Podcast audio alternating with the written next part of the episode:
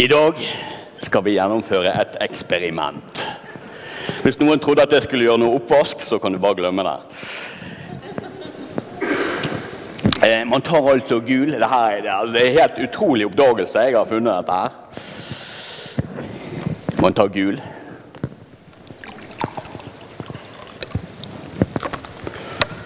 Så har vi blå her. Det var sånn munnskyld.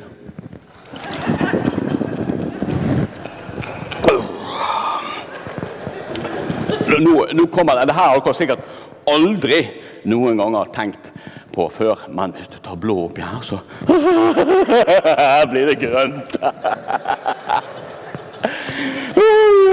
Ikke det fantastisk? Gult og blått blir grønt. Både hva? Vi- vi- vis- Visste dere det fra før? Ok. Ok. Ja, Det er et annet eksperiment da, som er ganske kult. Da tar du cola, og så tar du sånn Mentos.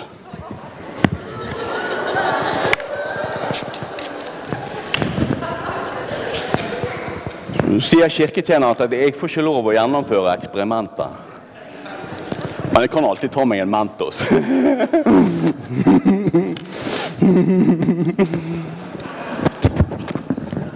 Å, fytti. Å, svelter. Ja, ja, ok. Ehm, det går bra. Dere, altså Det er kjempegøy å gjøre eksperimenter. Men jeg vil si at livet vårt det bygger i stor grad på at vi stoler på at noen har testet noe. Eh, Det at alle her visste at blått og gult blir grønt, tar du Mentos oppi cola, så får du fontene. Sånne ting. Det, er, det Vi kaller det allmennkunnskap, men det er noen som har testet det.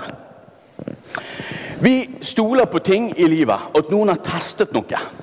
Når du går på bussen, så stoler du på at bremsesystemet virker, at noen har sjekket og testet at det virker. Og når vi tar på sikkerhetsbeltet, så vet vi gjennom forskning at sikkerhetsbelter det redder liv. Eh, går vi til legen, så får vi medisiner. Og han sier her har du medisiner mot ditt og mot datt. Ord som ikke du visste om. Men du tar medisinene og stoler på at noen har testet at det virker. Hva har dette med konfirmasjoner og Gud å gjøre og sånn? Eh, jo, mange tror at disiplene til Jesus at de var hjernevasket. De var hjernevasket til å tro at han var en spesiell person, til å tro at han var Gud. Men det er faktisk ikke sånn. Vi ser mange plasser at disiplene de skjønte ikke hva Jesus sa, de skjønte ikke hva han gjorde. Ikke trodde de på alt han gjorde og sa heller. Jesus han sa at han skulle dø på korset. Og da gikk de svart for disipler. De ble lei seg. Så hørte ikke de etter hva han sa etterpå. Han sa, Og så skal jeg stå opp igjen etter tre dager. Så når Jesus døde på korset, så var de kjempelei seg. De var redde. De låste seg inne for å unngå folk. Men så er det noen av disiplene som får se Jesus etter at han har stått opp igjen. Og det syns jo de var veldig kult, selvfølgelig. Men det er en, en som ikke var der når det skjedde. Eh, han rakk ikke fram i tide, eller det var sikkert SAS-streik eller noe. I alle fall Det var Thomas. Thomas han var ikke der når Jesus viste seg for disiplene sine. Og nå skal jeg lese litt om Thomas. Thomas, en av de tolv, han som ble kalt Tvillingen, var ikke sammen med de andre læresveinene da Jesus kom. Vi har sett Herren, sa de til han. Men han svarer, det tror jeg ikke. Før jeg får se naglemerka i hendene hans og legger fingeren i det, og stikker handa i sida hans. Åtte dager etter var læresveinene hans igjen samla, og Thomas var med dem. Da kom Jesus, sjøl om dørene var stengte. Han sto midt imellom dem og sa, Fred være med dykk. Så sier han til Thomas, kom her. Kom med fingeren din, og se her. Her er hendene mine. Kom med handa di og stikk henne i sida mi. Vær ikke vantru, men vær truende.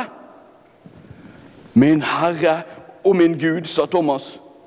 Jesus sier til han, fordi du har sett meg, tror du. Særlig de som ikke ser, men ennå tror. Thomas, han er vår mann. Alle vi som syns det er, det er nesten for fantastisk til å tro på. At Jesus kunne stå opp fra de døde. Thomas han trodde ikke på det heller. Han var nødt til å se, han var nødt til å kjenne for at han skulle tro.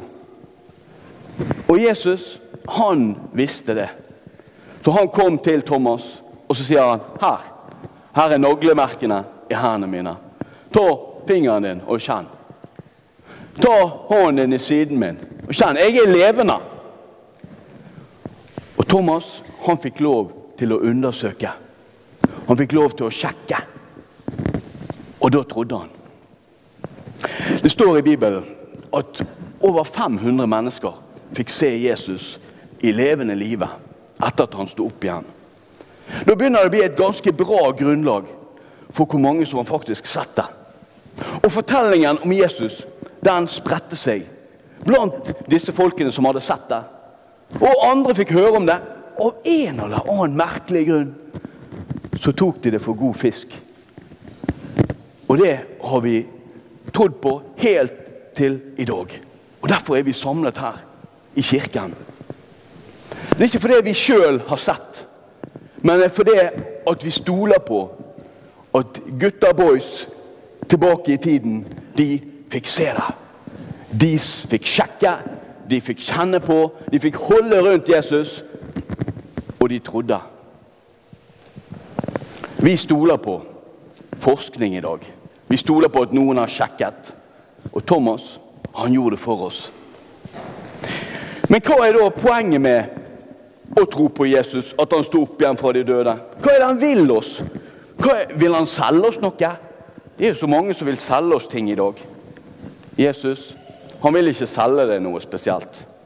Og Han kommer ikke og sier at du kommer til å bli suksessrik, du kommer til å bli rik hvis du tror på meg. Det han ønsker å gi oss, det er fred. Tenk, det var det han sa til disiplene sine. De var redde, de følte seg alene. Så sier Jesus, 'Fred være med deg'. Det er fred han ønsker å gi oss. Men hva slags fred, da? Fred fra krig?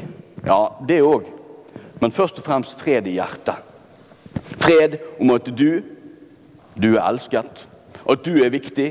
Du er så viktig at noen er villig til å dø for deg. Og så fred om at Jesus han er òg herre over døden. Han er sterkere enn dødsriket. At kjærligheten, den overvinner alt. Det kan dere få ta med dere i livet. Og så kan dere få lov å være agenter for denne freden og spre den videre.